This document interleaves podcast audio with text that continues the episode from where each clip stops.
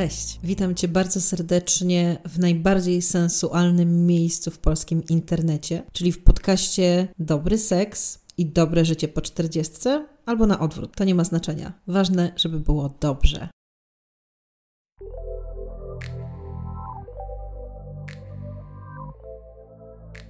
Dzień dobry, witam Cię bardzo serdecznie w kolejnym odcinku podcastu Dobre Życie i Dobry Seks po 40. Do dzisiejszego odcinka zaprosiłam Sabinę Sadecką, psycholożkę i terapeutkę, e, żeby porozmawiać o temacie, który w ostatnimi czasy całkiem rozgrzał społeczność na Instagramie Good Things Only, czyli o strachach. E, ale zanim przejdziemy do naszego głównego tematu, e, dzień dobry Sabino, witam Cię bardzo serdecznie e, i bardzo poproszę, żebyś opowiedziała kilka słów o sobie naszym słuchaczkom.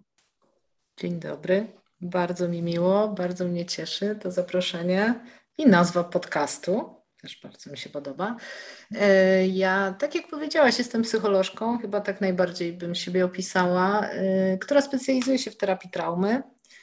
E, I terapia traumy wcale nie jest tylko o traumie, ona jest w ogóle o naszej, naszej relacji z ciałem, naszej relacji z tym, co trudne, właśnie też naszej relacji z lękiem, więc e, ta terapia traumy to nie jest tylko tak, że ja pracuję tylko z traumą, ale wykorzystuję te wszystkie narzędzia, podejścia, które wyłoniły się z terapii traumy do pracy też z innymi obszarami. Chociaż najbardziej, najbardziej, najbardziej na świecie to, to właśnie trauma jest tym, co mnie fascynuje. Także ten nasz, ta nasza rozmowa też myślę, że będzie tym jakoś no, podbarwiona też tym właśnie aspektem. Współtworzę taką stronę o psychologii.pl, gdzie zupełnie nieodpłatnie przeczytacie sobie różne i poradnikowe, i nie tylko poradnikowe artykuły psychologiczne z bardzo wielu obszarów. No i w ogóle popularyzuję psychologię.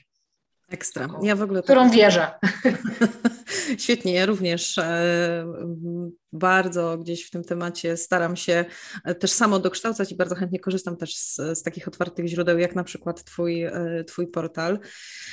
Natomiast zaczynając naszą rozmowę, chciałabym Cię zapytać, czy jest jakaś um, taka definicja, kiedy nasz strach wiesz, jest takim elementem, który gdzieś tam może utrudniać już życie, czyli jest bardziej lękiem, bo ja, ja, nie wiem, czy to jest oczywiście rozdzielenie gdzieś tam psychologiczne, czy, czy bardzo takie mm, profesjonalne, ale ja sobie tak na, swój użytek zawsze rozdzielam taki strach przed jakimiś rzeczami, codziennością trochę, który zwykle nam towarzyszy w życiu na, na co dzień, e, od takiego lęku, który w moim rozumieniu trochę może być już takim e, stanem, który wymaga konsultacji ze specjalistą. I robiłam ostatnio taką e, ankietę u siebie na Instagramie, pytając kobiety właśnie po czterdziestce, czego najbardziej się obawiają w związku ze starością, ze starzeniem się, bo to jest taki dosyć powszechny lęk, że, że my się boimy trochę tej starości. I tam najczęściej pojawiało się właśnie, e, że najbardziej boimy się utraty sił takich e, psychicznych, mentalnych, e, tej mgły mózgowej, o której bardzo często też w kontekście kobiet z menopauzą się mówi.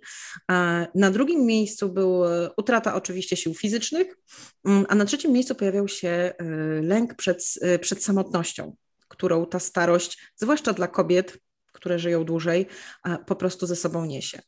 E, I wrzuciłam teraz dużo tematów, ale, ale żeby trochę y, nakreślić obraz. Natomiast właśnie chciałabym wyjść od tego, kiedy, kiedy te nasze obawy są takim po prostu w cudzysłowie zwykłym strachem, a kiedy mogą już stać się lękiem e, i powinnam zastanowić się nad konsultacją ze, ze specjalistką, ze specjalistą. Ja myślę sobie, że te konsultacje warto sobie sprezentować, bo ja myślę sobie, że to jest prezent zawsze, takie zadbanie o siebie. E, kiedy się udajemy czy do coacha, coachyni, psycholożki, psychologa, e, kiedy czujemy, że ten to, co, to, to, to, że ten lęk, on nam w jakiś sposób serwuje w życiu jakieś usztywnienie. Y, to, że nagle nasz świat się jakoś zawęża. Nasz świat, nie wiem, mentalny, nasz świat dosłownie, jeżeli na przykład boję się wyjść z wiem, z pomieszczenia, albo boję się pokazać jakoś, na przykład, nie wiem, ze zmarszczkami, załóżmy, nie? ze mhm. starzeniem, no na przykład, nie? że kobieta nie, nie, no nie wiem, tak mi przyszło do głowy. Więc, e, więc w momencie, kiedy widzę, że mm, no coś takiego się dzieje w moim życiu ze względu na ten lęk, że e, jest tego życia mniej, że mniej, mniej ja mogę się jakby rozpościerać w tym życiu, to wtedy i to mi przeszkadza, to wtedy ja bym, niezależnie czy to jest strach, czy lęk, fizjologicznie to jest w sumie to samo. E, więc e, ja w terapii rzadko stosuję to rozróżnienie, chociaż myślę sobie, że ono może być dla, dla wielu osób użyteczne, ale generalnie e, no właśnie wtedy ten lęk mógłby nas jakoś, w sensie, że, że, że ten usztywniający, zawężający lęk to jest coś, czym ja bym się zajęła. I oczywiście ja mówię trochę upraszczając, bo w, tym, w myśl takiej terapii i takiego podejścia do emocji, jakie ja stosuję, to sam lęk nie jest problemem. Mhm. Problemem jest to, jak my, jak my reagujemy w obliczu tego lęku.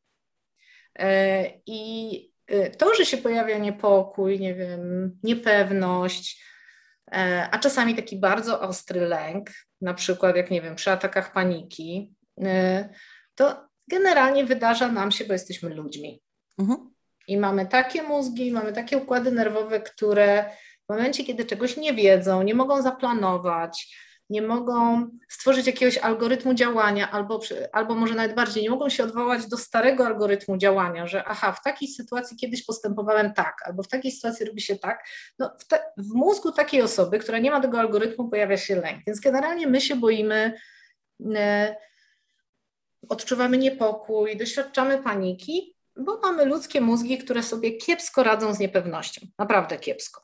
E, mhm wszyscy my, którzy sobie w miarę radzimy z niepewnością, to dlatego, że się w tym wytrenowaliśmy, nie dlatego, że nasz mózg jest do tego nawykły.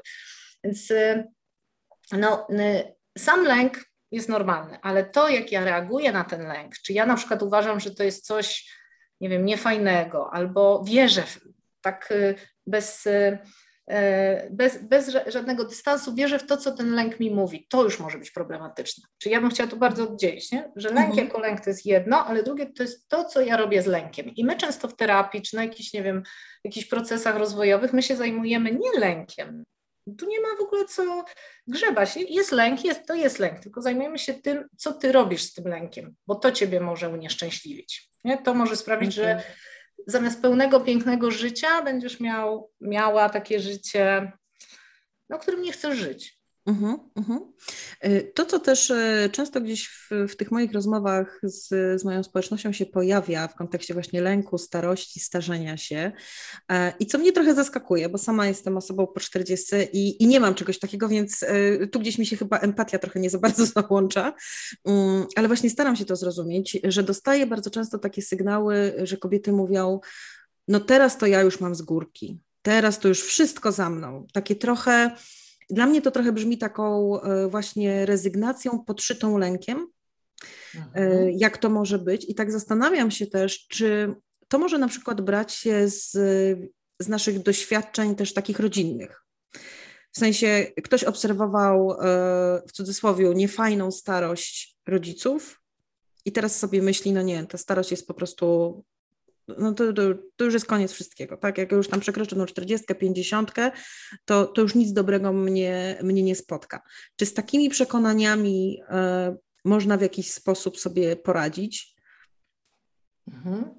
No, y, to najpierw bym tylko, wiesz, powiedziała o tym kontekście, skąd mhm. to może być, nie? A potem, potem mhm. o tym przekonaniu, bo myślę, że to ważne, że rzeczywiście jakby na nas y, wszystkich, ludzi, ale nie tylko na ludzi, oddziałuje taki proces, który nazywa się w psychologii modelowaniem. Czyli, że my generalnie powtarzamy to, co znamy, co zaobserwowaliśmy, o wiele bardziej to powtarzamy niż to, co nam mówiono, czy czego nas uczono deklaratywnie. Więc jeżeli w mojej rodzinie był model taki, że po 40, co wydaje się rzeczywiście egzotyczne, nie? ale że po 40 już się ludzie zwijają, no to jako że zachodzi ten proces modelowania, czyli uczenia się takiego nawet nieuświadomionego, tego jak wygląda życie, jak wygląda związek, jak wygląda starość, nie wiem, modeluje się wszystko, nie? jak wyglądają relacje międzyludzkie. No więc jeżeli w mojej rodzinie i też szerzej nie? to mi zamodelowano, no to mogę być bardziej skłonna, żeby to powtarzać, nawet trochę nie wiedząc, czemu tak robię. Nie? Bo to jest często tak, że ludzie rzeczywiście, jak tam grzebiemy w terapii czy w jakichś rozmowach, to mówią, Boże, ja nawet nie wiem, skąd takie przeświadczenie do mnie przyszło, ale może ono zostało zamodelowane. To jest jakby, myślę, jedno. Czyli takie, że czasami to, to, to, to, to, co powiedziałaś, to taka trochę rezygnacja, że ona może wynikać z tego, że no, no ja, mi ją zamodelowano. Mhm. Ale ja też pomyślałam sobie, że to nie jest nie tylko spojrzenie wstecz, co nam powoduje ten lęk, co, co, czy takie, taką niepewność, co, co dalej, nie? po tej czterdziestce, czy jak, jakąkolwiek cezurę czasową sobie tu ustalimy, ale też spojrzenie w przód, w sensie w przyszłość. Ja mam wrażenie, że i to będzie bardziej taka socjologiczna niż psychologiczna uwaga, ale że kobiety w XXI wieku, dojrzałe kobiety wchodzą na ziemię nieznane, w sensie, że nas tam jeszcze nie było. My trochę nie mamy wzorców, w sensie oczywiście mamy może z zachodu, może mamy, no nie wiem, jakieś wzorce z literatury, z filmów, z seriali, e, ale generalnie no, my nie wiemy, jak tam jest. Jak mhm. to, jak, w sensie, że możemy nie mieć wiedzy, jak to jest wieść e, wolne, e, wolne w sensie takiej wolności osobistej, spełnione życie, nie tylko jak mam, nie wiem, 20-30 lat, ale później. I myślę, że te, dla części z nas ta niewiedza może być tak blokująca, że my wolimy tam nie pójść. Nie? My wolimy stare i znane niż e, nieznane, nawet jeżeli to nieznane miałoby być lepsze. Więc ja myślę, że tu mamy dwie perspektywy czasowe, że my nie wiemy, bo nie mamy wzorców z przeszłości, ale też w przyszłości, no, no nikogo tam nie było, nie? My wchodzimy mhm. na taki teren zupełnie nieznany. Zresztą nie tylko kobiety. Ja myślę sobie, że mężczyźni też wchodzą? Tak, że, tak. że dla mężczyzn to też się zmieniło i i, I, oni też trochę nie, nie, wiedzą, jak to teraz z tą taką, z tym przyzwoleniem na wrażliwość, nie? z tym przyzwoleniem na czucie, na bycie w cudzysłowie, bardzo dużym cudzysłowie, nie męskim, tak, mhm. kulturowo, to, to mówię mhm. bardzo. Jasne, Więc jasne. myślę sobie, że to no wszyscy trochę wchodzimy w takie, co tam, jak tam jest, nie? I nie mamy za bardzo punktów odniesienia. Ale myślisz, że ta terra incognita bierze się z tego, że my tak bardzo e, jakby um, okolicznościami i naszym doświadczeniem życiowym różnimy się od pokolenia naszych rodziców? Tak, też. Mhm. E, ale e, też może, to jest jakby jedno, że no, no, no tak, oczywiście to nie znaczy, że my jesteśmy tak bardzo różni, no ale no świat jest naprawdę inny i on się zmienił tak, mam wrażenie, no w przeciągu ostatnich 20 lat, w sensie jak się pojawił, nie wiem, internet, ta jakaś taka no, no takie poczucie, że wszędzie mamy blisko, możemy sobie podejrzeć e, każdego praktycznie teraz, e, z każdej kultury, kto tylko ma taką chęć, żeby gdzieś siebie pokazywać, czy choćby w mediach społecznościowych, czy po prostu w internecie. No, no naprawdę wiele się, wiele się zmieniło. E, ale też jest jeszcze jedna rzecz. Ja myślę sobie, ja jestem jako terapeutka traumy, no ja też dużo czytam, myślę, obserwuję zagadnienia traumy transgeneracyjnej, czyli takiej, mhm. która jest jakoś na wiele sposobów, tam jest kilka ścieżek, ale jest na, właśnie róż, y, na różne sposoby przekazywana z pokolenia na pokolenie. I ja myślę sobie, że my nadal jeszcze trochę wyłazimy z traumy wojennej, z traum głodu, e, z traum, nie wiem, stanu wojennego, z, z traum związanych z różnymi falami prześladowań Żydów w naszym kraju. I my cały czas z tego wychodzimy i mam wrażenie, że no my nie jesteśmy nauczeni jakoś żyć tak swobodnie, lekko.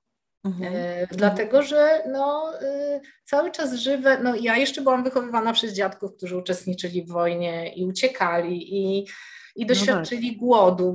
Moi rodzice doświadczyli, na pewno jeden z rodziców doświadczył głodu takiego i biedy, takiej biedy, o której myślę teraz w ogóle, znaczy oczywiście są osoby biedne, ale no to był jakiś taki poziom, no, który dla mnie jest w ogóle nie do wyobrażenia, więc y, myślę, że te pokolenia wcześniej one były mocno zajęte przetrwaniem. Nie wiedziały, że to dostały w spadku. No i, no mhm. no i może to pokolenie, y, może teraz jakoś, nie wiem, mamy pokolenia, które są bardziej od tego wolne, acz nie, nie w całości. E, a jeszcze, no bo tak mówisz o tych traumach zaprzeszłych, jeśli tak mogę powiedzieć, a tak przyszło mi do głowy, że y, my sobie teraz funkcjonujemy mniej lub bardziej wygodnie, bo to wszystko zależy oczywiście od, od osoby i od sytuacji, w jakiej jest, ale w takiej całkiem e, nowej traumie. Mamy takie pokolenie, e, takie doświadczenie właśnie pokoleniowe, tak można, no właściwie e, międzypokoleniowe, bo wszyscy tego doświadczamy, bo nasze dzieci również. Ale właśnie, czy to się gdzieś może nakładać i generować jakby, mm, wiesz, że, że my tych lęków właśnie przed starością możemy mieć jeszcze więcej, skoro ja tak naprawdę nie wiem, co się w moim życiu wydarzy za tydzień, bo, no bo nie wiem, tak, jakby y, y, z takiego, y, z, tej sytuacji takiej jakby otoczenia, tak, no bo w moim tam ciepłym gniazdku powiedzmy sobie jestem w stanie coś zaplanować, no ale nie wiem, jak będzie wyglądał świat za tydzień, za dwa czy za miesiąc. Czy to również... Mhm. Ja trochę czuję, że to ma duży wpływ na nas, właśnie w tym no. wieku takim transformacji, tak? kiedy my rzeczywiście wchodzimy w ten taki okres no, u kobiet okołomenopauzalny, u mężczyzn również, przecież koło pięćdziesiątki te wszystkie zmiany takie hormonalne również się zaczynają dziać. Więc i to nam się nakłada jeszcze na to, co się dzieje teraz. Czy to jakby też swoich obserwacji generuje właśnie więcej takich sytuacji lękowych yy, i reakcji lękowych? No, my na pewno nie jesteśmy czystą kartą. Nie? Mhm. Nawet jak się rodzimy, to już nie jesteśmy tą czystą kartą. Nie? Wszystko, co się działo w trakcie porodu, przed porodem, w sensie w życiu płodowym już ma na nas wpływ. Wszystko, co się działo, no coraz więcej jest badań i to takich rzetelnych badań, nie, nie takich związanych z jakimś takim obszarem duch, duchowo-mistycznym, mhm. ale właśnie też naukowych pokazuje, że te wpływy są wcześniejsze, nawet kiedy my nie wiemy o traumie rodzica czy dziadka, możemy nie wiedzieć, a i tak być pod wpływem no, tego, co z nim zrobiła ta trauma, czy zrobiła właśnie ta trauma wtórna u jego rodzica, więc my generalnie nie rodzimy się jako czyste karty i wcale sobie tak nie funkcjonujemy. I rzeczywiście jest coś takiego jak taki efekt kumulacyjny tych obciążeń, nie? że no, yy, ja, ja, już ja czasami o tym mówię, bo to jest w ogóle taki fajny efekt, no ale to jak na przykład no, gruchnęła ta pandemia i wszyscy zaczęliśmy wykupywać te papiery toaletowe. E, czy kasze, tak? Niektórzy do dziś mają te kasze, nie? No przecież raczej tak. kasz zje, nie? Nawet jak siedzi w domu, nie może wyjść po zakupy, chociaż można było wyjść, no ale ile my możemy zjeść tego? I myślę sobie, że to były właśnie takie, no my mogliśmy tak społecznie zobaczyć, że, pe, że, że te, no, no, te różne prze, prze, ciężkie przeżycia, one jakoś cały czas funkcjonują, gdzieś się przeniknęły, tak, że nagle zabraknie tego papieru toaletowego. No ja pamiętam ten czas, no nie było tego papieru toaletowego i pamiętam, że nie było mięsa, pamiętam, że nie było cukru i, i rzeczywiście mimo naprawdę całej wiedzy o tym i mimo racjonalności, ja pamiętam ten impuls, nie? jestem w tej Biedronce czy na jakimś nie wiem, dyskoncie i widzę i widzę ten, ten nawet cukier, ja mówię, chociaż ja nic nie słodzę, ale kupię sobie ten cukier, bo zabraknie. Wiesz, to oczywiście, że istnieje coś takiego, w ogóle w terapii traumy, y, wiem, że nie o tym mamy mówić, ale to może być ciekawe, że często na przykład y, jak my, nie wiem, superwizujemy przypadki, czy się uczymy, i, no i opowiadamy na przykład o osobie, która, no nie wiem, mamy w terapii i miała jakiś niegroźny wypadek samochodowy. Mhm. I ten wypadek samochodowy mm, no, coś takiego uruchomił w, tej osobie, że no, przestaje ona funkcjonować tak jak wcześniej. Wszystko się zawala. No i my przychodzimy na superwizję i mówi, czyli taką, to jest taki nadzór nad psychologami, żeby psycholodzy też dobrze wykonywali swoją pracę i pytamy się, no co my mamy zrobić? Taki po prostu jakaś taka maleńka stłuczka bez zagrożenia życia, a ktoś przestaje funkcjonować. I bardzo często w tych superwizjach, na tych kursach pada takie zdanie, ale jeżeli jest tak silna reakcja na to zdarzenie takie mm, gwałtowne, na to powiedzmy zdarzenie traumatyczne, to bardzo prawdopodobne, że gdzieś pod spodem jest jakaś inna trauma, która się właśnie odezwała. Mhm. Czyli to, jak my sobie radzimy z takimi czasami, na, bo czasami ludzie mówią, a no to przecież nic takiego się nie stało, no nie wiem, tylko po prostu na przykład w pandemii musiałem posiedzieć miesiąc na zdalnej albo yy, no nie wiem, no dobra, no ktoś mi za, ukradł portfel, a co się ze mną dzieje, że ja tak reaguję, jakby to był jakiś po prostu, no nie wiem, no jakaś największa tragedia, ale trzeba pamiętać, że my właśnie mamy tą, że to jest kumulacja, że tam pod spodem może być tak, że no, jest mhm. dużo, wie, dużo więcej tak, w nas różnych traum, z naszego życia czy z innego. To nie znaczy, że wszyscy mamy te traumy i każdy dostał w spadku traumę po kimś, no ale jak się tak. spojrzy przez, ten, przez te soczewki, to myślę, że wiele rzeczy możemy zrozumieć. Mhm. Czemu my się tak globalnie zdestabilizowaliśmy, jak nam kazali siedzieć zamkniętymi w domach? Nie? No tak, no tak. To ja miałam, e, ty opowiadałaś o papierze toaletowym, się uśmiechnęłam i o tym cukrze, e, mhm. to ja z kolei tak miałam z drożdżami. Chociaż na co dzień nie piekę chleba i generalnie jakby też, też dużo nie, nie jem chleba, e, to nagle się okazało, że ja muszę mieć drożdże. Ja do dziś mam te pomrożone drożdże, bo na szczęście to się dało mrozić. No właśnie, więc rzeczywiście coś takiego się mm, pouruchamiało. E, I tak jeszcze powiedziałaś, e, tu chwyciło moją uwagę to, co powiedziałaś, że bardzo często ludzie gdzieś trochę bagatelizują też te nasze lęki i strachy, mówiąc, przecież nic takiego się nie stało. Tak samo jest, mam wrażenie, czasem z tą starością. No nie przesadzaj, tyle ludzi przed tobą miało 50, 60, 70 lat i dali radę. E, ja pamiętam też trochę abstrahując y, przed, y, y, przed porodem miałam też takie głosy, że no czego ty się boisz, jak tyle kobiet, przed, ludzie od, od, początku w ogóle istnienia świata, tak, kobiety rodziły dzieci w kapuście, a ty tutaj po prostu mm, i też trochę tak sobie myślę, jak w sobie jeżeli jestem osobą, która ma takie lęki przed właśnie starzeniem się, starością, jak to będzie, jak zostanę sama, e, tak, w sensie no, dziecko już sobie pójdzie z domu, e, partner e, umrze wcześniej, no już tu nie ma co jakby używać kolorowych słów i zostanę sama, tak, bo to są takie najczęstsze właśnie lęki i stracę na przykład swoje umiejętności właśnie takie umysłowe, że już nie będę taka szybka, nie wiem, w uczeniu się czy w robieniu różnych rzeczy i fizycznie również. Jak sobie radzić z tym, jeżeli na takie moje lęki ja słyszę od świata, przestań wydziwiać. To jest w ogóle, co ty wymyślasz? Mhm.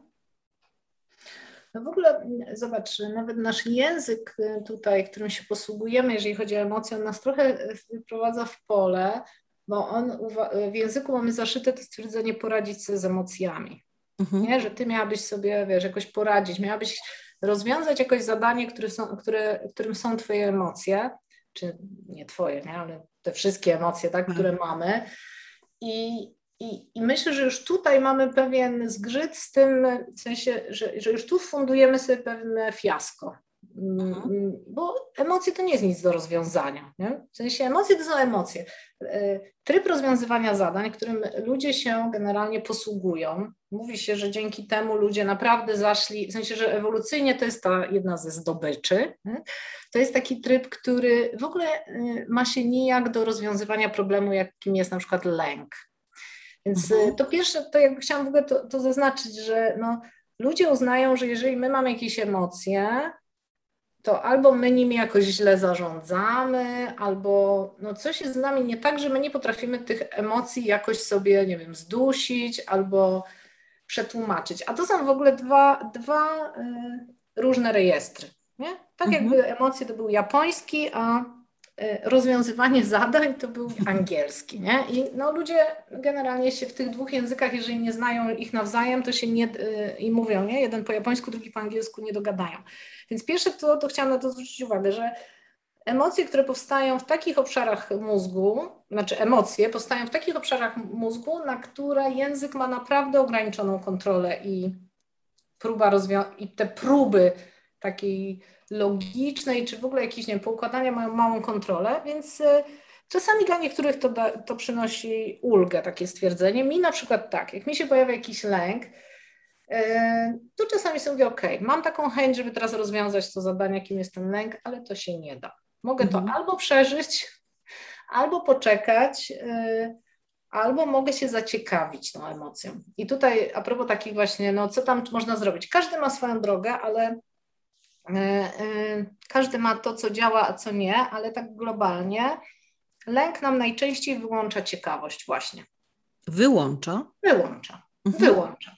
E, jak jestem w lęku, jak jestem w jakiejś takiej presji, to przestaje się, przestaje, to jest jakby neurobiologicznie, tu nie mówię o czymś, co ja sobie wymyśliłam, tylko generalnie tak mamy taki tryb, mamy je, tryb eksplorowania świata, eksplorowania możliwości, tryb właśnie zaciekawiania się światem i ten tryb jest automatycznie wyłączany, kiedy lęk zaczyna w nas wzrastać.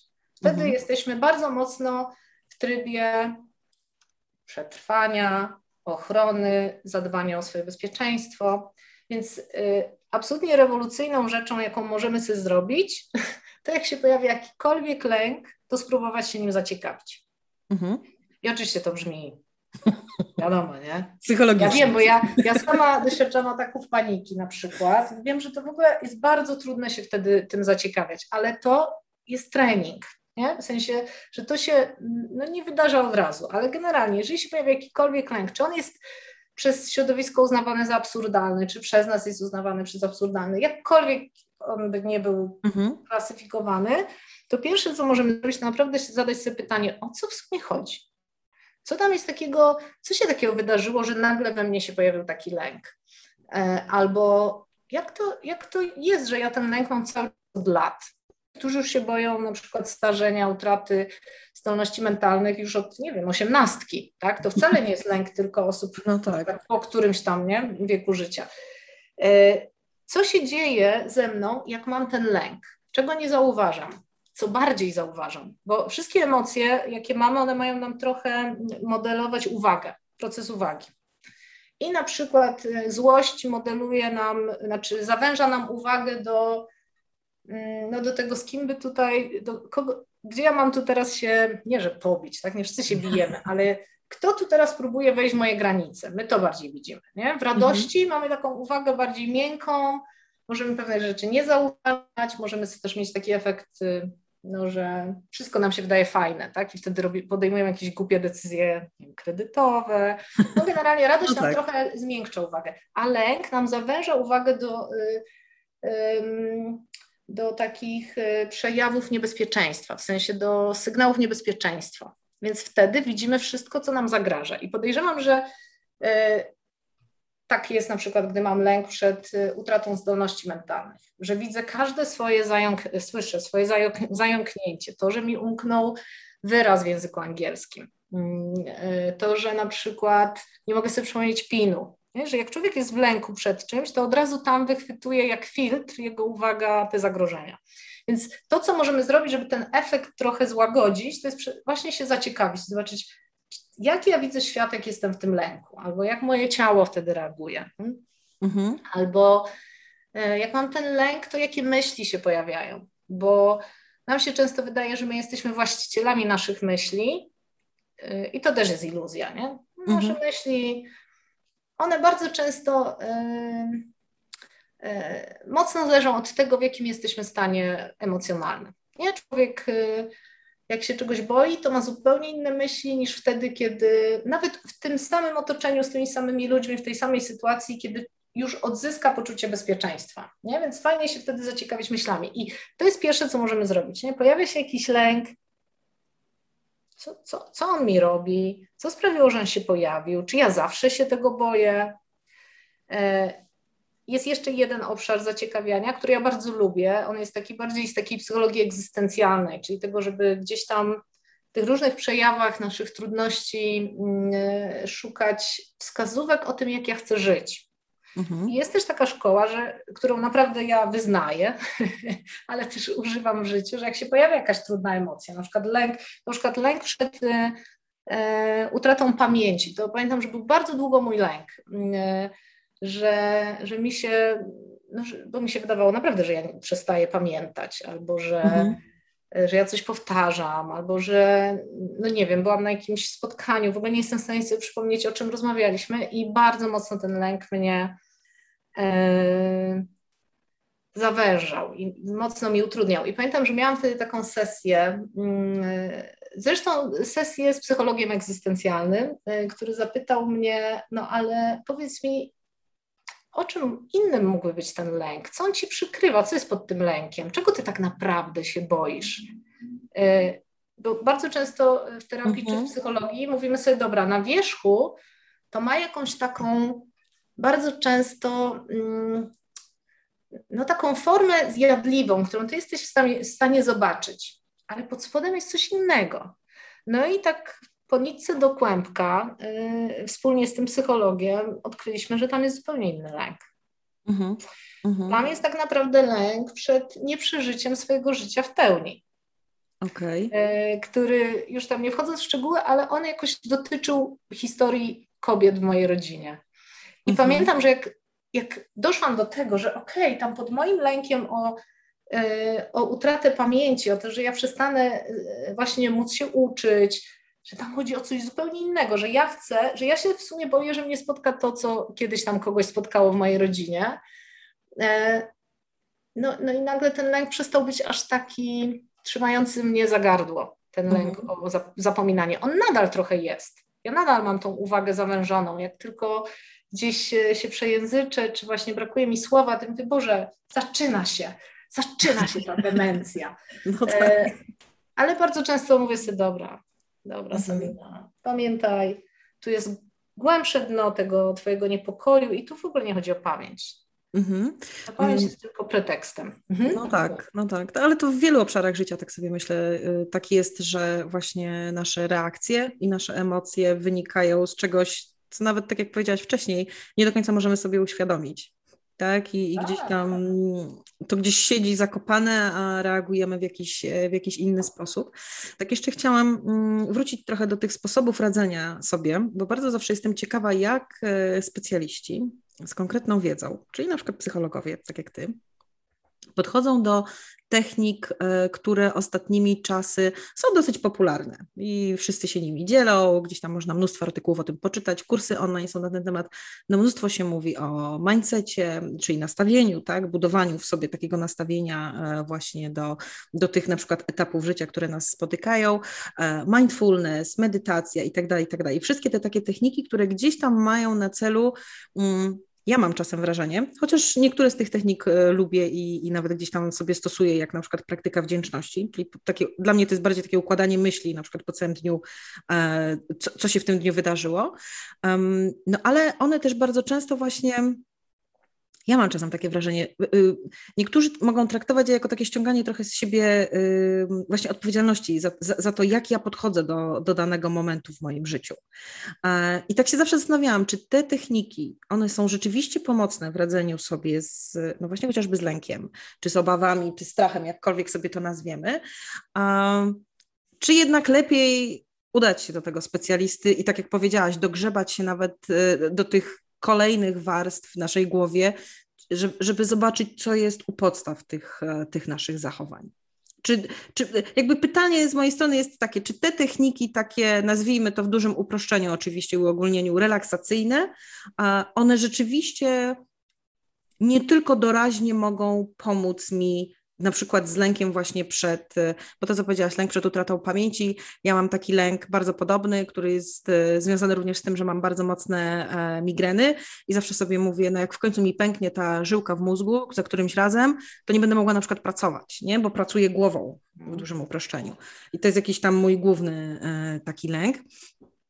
No i właśnie, rzeczywiście, czy jak ja będę sobie tam, wiesz, medytować i się uspokajać, to mi pomaga doraźnie, czy rzeczywiście gdzieś pomaga mi e, w dłuższej perspektywie, w perspektywie również zapanować nad, e, nad takim lękiem? Mhm. No, wybacz, że to powiem, ale my nie możemy zapanować nad lękiem. to jest cały czas ten sposób myślenia. W sensie, Właśnie. Jak opowiadam o no. moim, e, o, mo, o tym, jak ja widzę, hmm.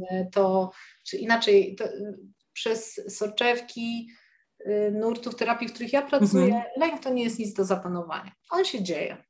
Okay. To, co może, mogę tylko sobie podkręcić ten lęk albo, albo sprawić, że on będzie tym, czym jest, czyli lękiem, czyli jakimś takim czymś nieprzyjemnym, co albo trwa sobie mm, kilka minut do dwudziestu, mhm. albo jakimś takim nastrojem, który trwa na przykład, nie wiem, trzy dni, ale ale to nie jest cała prawda o mnie, ten lęk. Więc to, tu możemy już coś y, nad tym, co robię z lękiem, mogę zapanować, ale nad lękiem rzadko. Nie? Czasami mhm. ludzie mają lęk, bo y, no nie wiem, bo zjedli ciężkostrawny posiłek.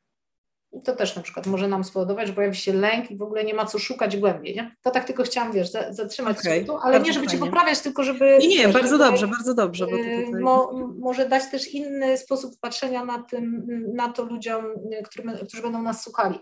Y, mogę, mogę wyjść słowo? Bo właśnie tak mi przyszło do głowy, że, że rzeczywiście, kurczę, my mamy, to co powiedziałeś na początku, takie mega zadaniowe podejście, nie? Do życia i do siebie.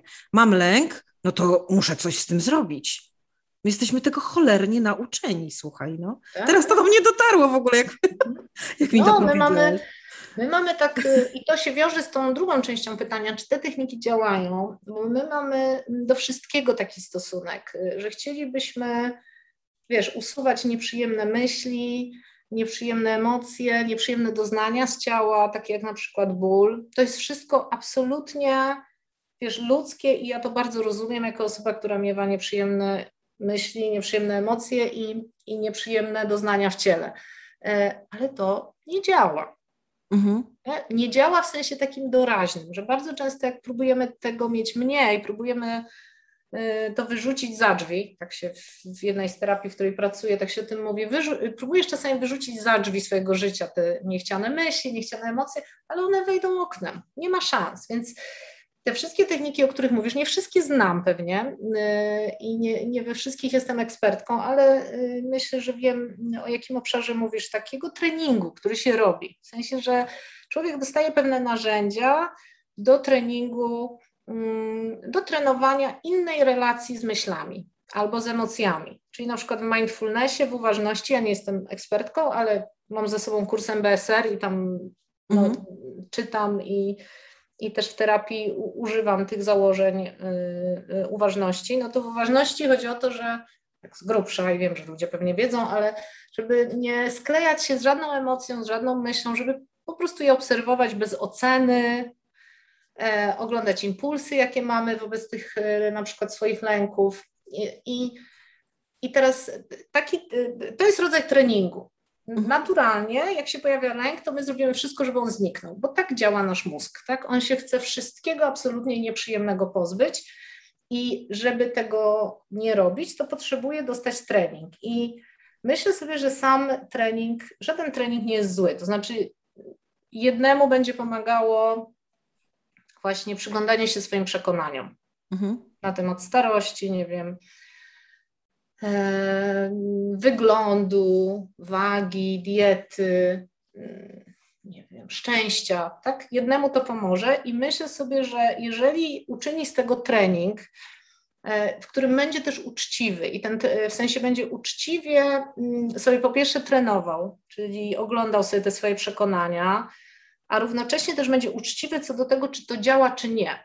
Mhm. To ten trening i jeżeli też będzie mm, uczciwy w tym sensie, że będzie regularnie trenował, tak? Uczciwie trenował, to tak. taki trening może przynieść naprawdę spektakularne efekty.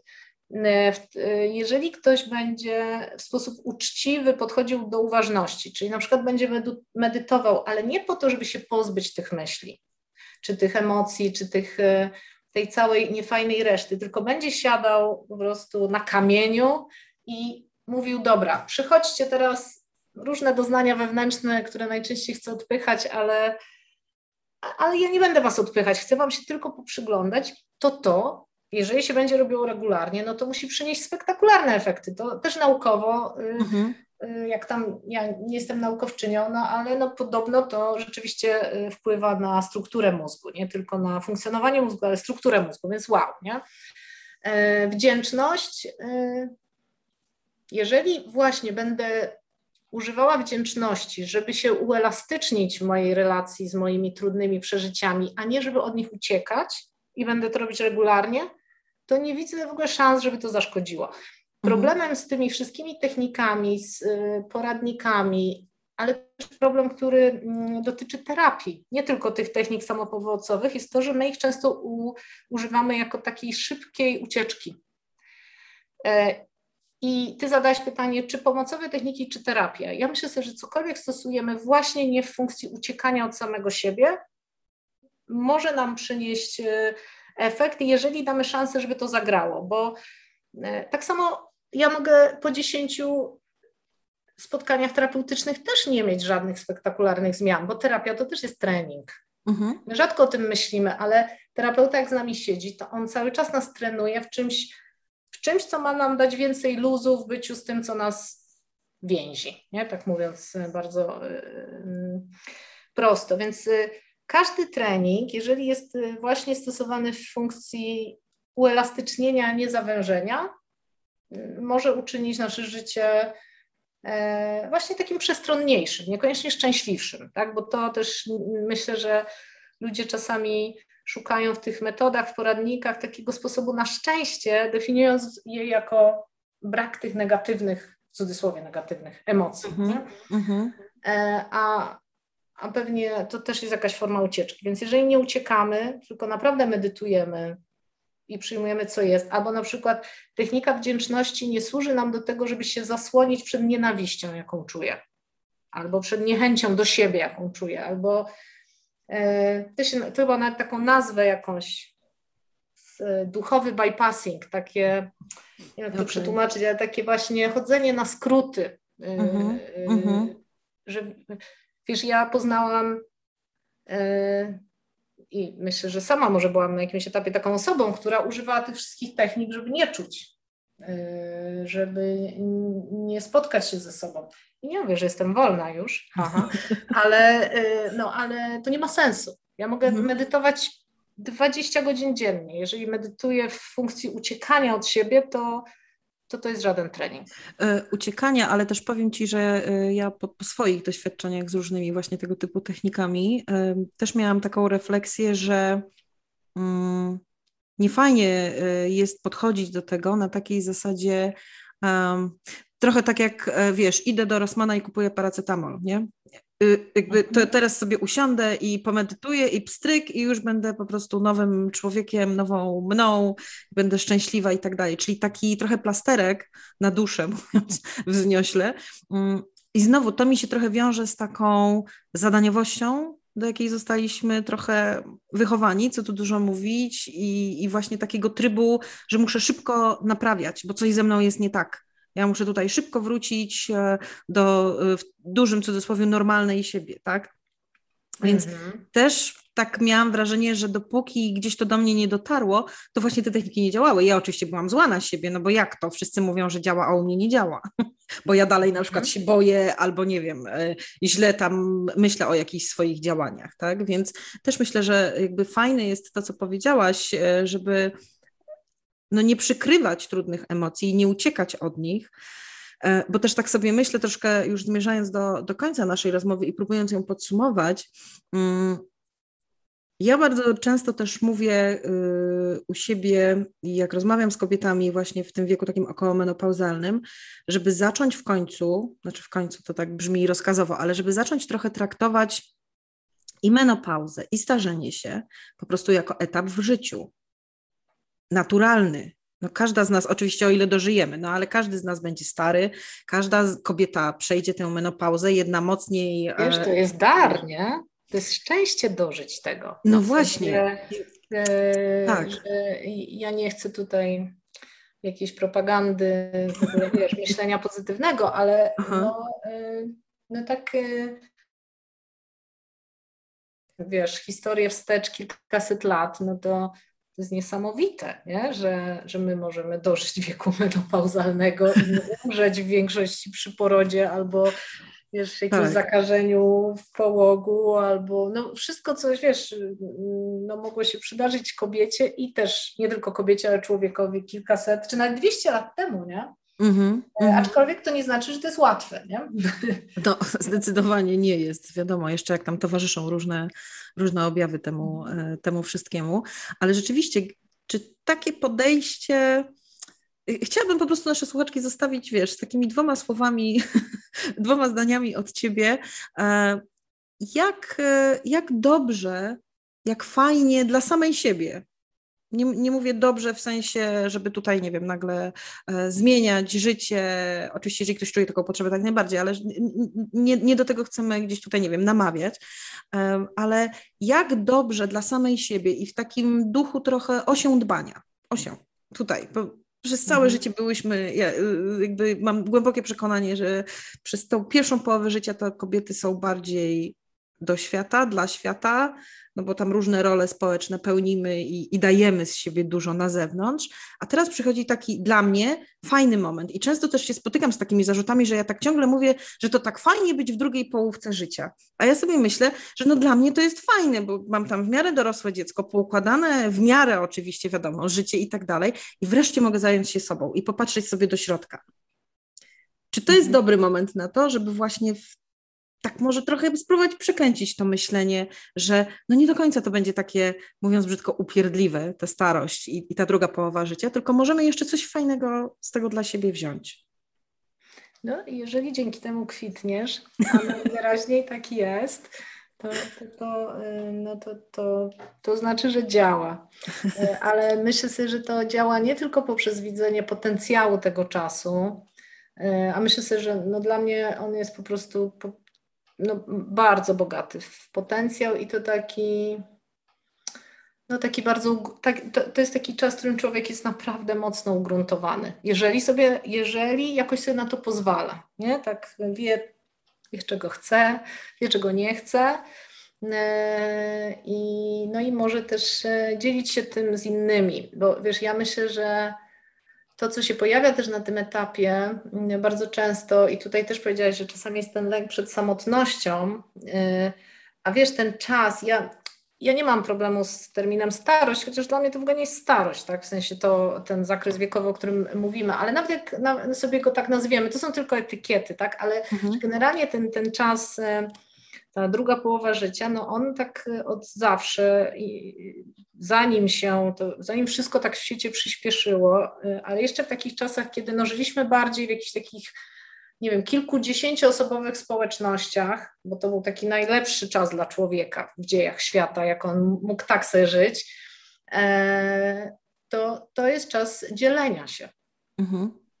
To jest czas dzielenia się mądrością. Myślę, że w ogóle ze słowem mądrość też mamy problem duży i w ogóle z tym konceptem mądrości, że to nam się jakoś tak strasznie źle kojarzy, jak ktoś w ogóle to napomknie, a ja myślę sobie, no właśnie to jest ten moment, no nie ma szans, żeby dwudziestolatek był mądry, nie dlatego, że on jest głupi i nie dlatego, że e, to jest jakiś e, mm, no, rodzaj uprzedzenia do ten ageizm drugą stronę, mm -hmm. tylko że no, ta mądrość przychodzi z x doświadczeń, ale też z, e, z czymś ciekawym, co z tym, czym też mamy kulturowo problem, z żałobami, mm -hmm. które przechodzimy. I pewnie, oczywiście na pewno są osoby, które mają 15 lat, 20, 30, które już przeszły mnóstwo żałób i mają ten potencjał do zbudowania tej mądrości, ale no generalnie statystycznie wychodzi, że to jest ta druga połowa życia, w której my już tyle tych żałób, że nie wiem, to się odmienia, doświadczyliśmy, związanych z tym, co w nas już się musieliśmy pożegnać, e, co e, czasami żegnamy ludzi wokół, czasami żegnamy związki, czasami żegnamy swoje dzieci, które wyfruwają z gniazda, nie? czasami mhm. pomysł na karierę. I jeżeli się tą żałobę przeżyje świetnie, to naprawdę to jest moment, żeby da, potem to, co z tego zostaje, dawać światu. I to jest super antidotum na samotność, myślę, to dzielenie się. Jest nawet taki, są takie fazy rozwoju tam człowieka, Eriksona. Ta koncepcja już trochę tam odchodzi do lamusa, ale pamiętam, że na ten czas właśnie, co prawda nawet trochę tam później jest, to jest gdzieś, no nie wiem dokładnie, która to jest dekada życia, ale on tak właśnie wskazywał, że najpierw ty jesteś zajęty, zajęta tworzeniem no nie wiem, kariery, rodziny, jak masz taką chęć, jak nie, to nie. Mhm. Ale potem, jak już to wszystko sobie gdzieś tam, no, mm, no albo się ugruntuje, ta rodzina też już się trochę transformuje, już się tak nie potrzebuje, to przychodzi czas dzielenia się, generosity. Mhm. Na tym etapie właśnie u Eriksona i myślę że to jest tak świetny mm, sposób na, znaczy sposób, takie inne ujęcie też tego okresu, nie? My tu się naprawdę możemy dzielić czymś, co y, czego no, no my tylko możemy mieć, bo tak. przeżyliśmy i, i się zintegrowaliśmy, tak? E, e, I to zintegrowanie jest też jakimś skarbem tego czasu, nie? że człowiek jest o wiele bardziej, znaczy no, jesteśmy mocno poszatkowani wcześniej. Nie? I jeżeli mhm, to wszystko mhm. pójdzie jakoś w miarę z czułością dla nas, to potem się pojawia ta integracja. Nie? Oczywiście mówię o jakimś modelu idealnym, tak? ale, ale to, to tak widzę, więc czego bym życzyła, to na pewno dobrze przeżytych żałób, Mhm. Również mhm. po, nie wiem, no po, po czymś, co się dzieje z naszym ciałem, że może no już nie będzie nigdy w pełni zdrowe, bo coś tam, albo nie wiem, wygląda inaczej, chociaż jakby to też się totalnie zmienia, nie? Ten kanon tak, urody tak, i, tak. i jednak mimo wszystko myślę, że ono no nie wiem, no, no, no to piękno i wiek naprawdę są, rozłą- to są kategorie rozłączne, nie? a nie mhm, łączne. Mm-hmm. więc przeżyte żałoby po ludziach, którzy odeszli, nie wiem, rozstaliśmy się, po jakichś pomysłach na siebie i, i, i to, co dalej, to jak już się z tym uporamy, to, to pewnie zacząć to dzielenie się. Mhm. Czyli właśnie nie postrzeganie, że już e, teraz to już z górki wszystko za mną, tylko zaczynanie dostrzegać, dostrzeg, e, zacząć dostrzegać to, co przed nami, dzięki temu, co ja zgromadziłam w sensie doświadczeń, właśnie emocji, uczuć, ludzi wokół, z którymi się, tak jak mówisz, pożegnałam, jednych przywitałam. E, I co ja mogę z tym zrobić, bo to jest mój potencjał mhm. na tę drugą połowę. I czasami to nie musi być, wiesz, podcast, tak jak na przykład ty masz, nie? To jest super, to mhm. jest totalnie dzielenie się ale to może być, wiesz, to może być dzielenie się y, z moim, wiesz, dzieckiem dorosłym, a potem tam, nie, za jakiś czas z wnukiem, no nie wiem, z prawnukiem, no moi dziadkowie się ze mną dzielili, nie? Mm-hmm.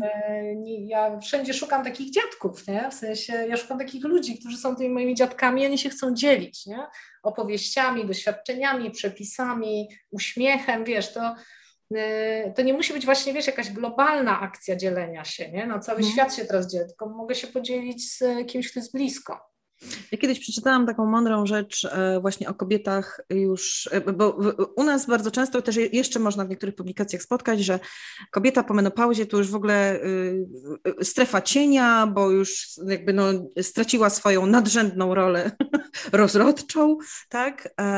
A ja w jednej książce, już nie pamiętam teraz której, ale właśnie przeczytałam, że e, powinniśmy wrócić trochę do takiego postrzegania, jak w tych takich plemionach, jeszcze w życiu plemiennym, kiedy kobieta po menopauzie stawała się taką plemienną wiedźmą, ale wiedźmą od tej, która wie, która ma w sobie właśnie tę całą mądrość, którą, no jak to wiedźma, dzieliła się z całym swoim e, plemieniem, dbając o jego bezpieczeństwo, tam zapewniając różne rzeczy, tak?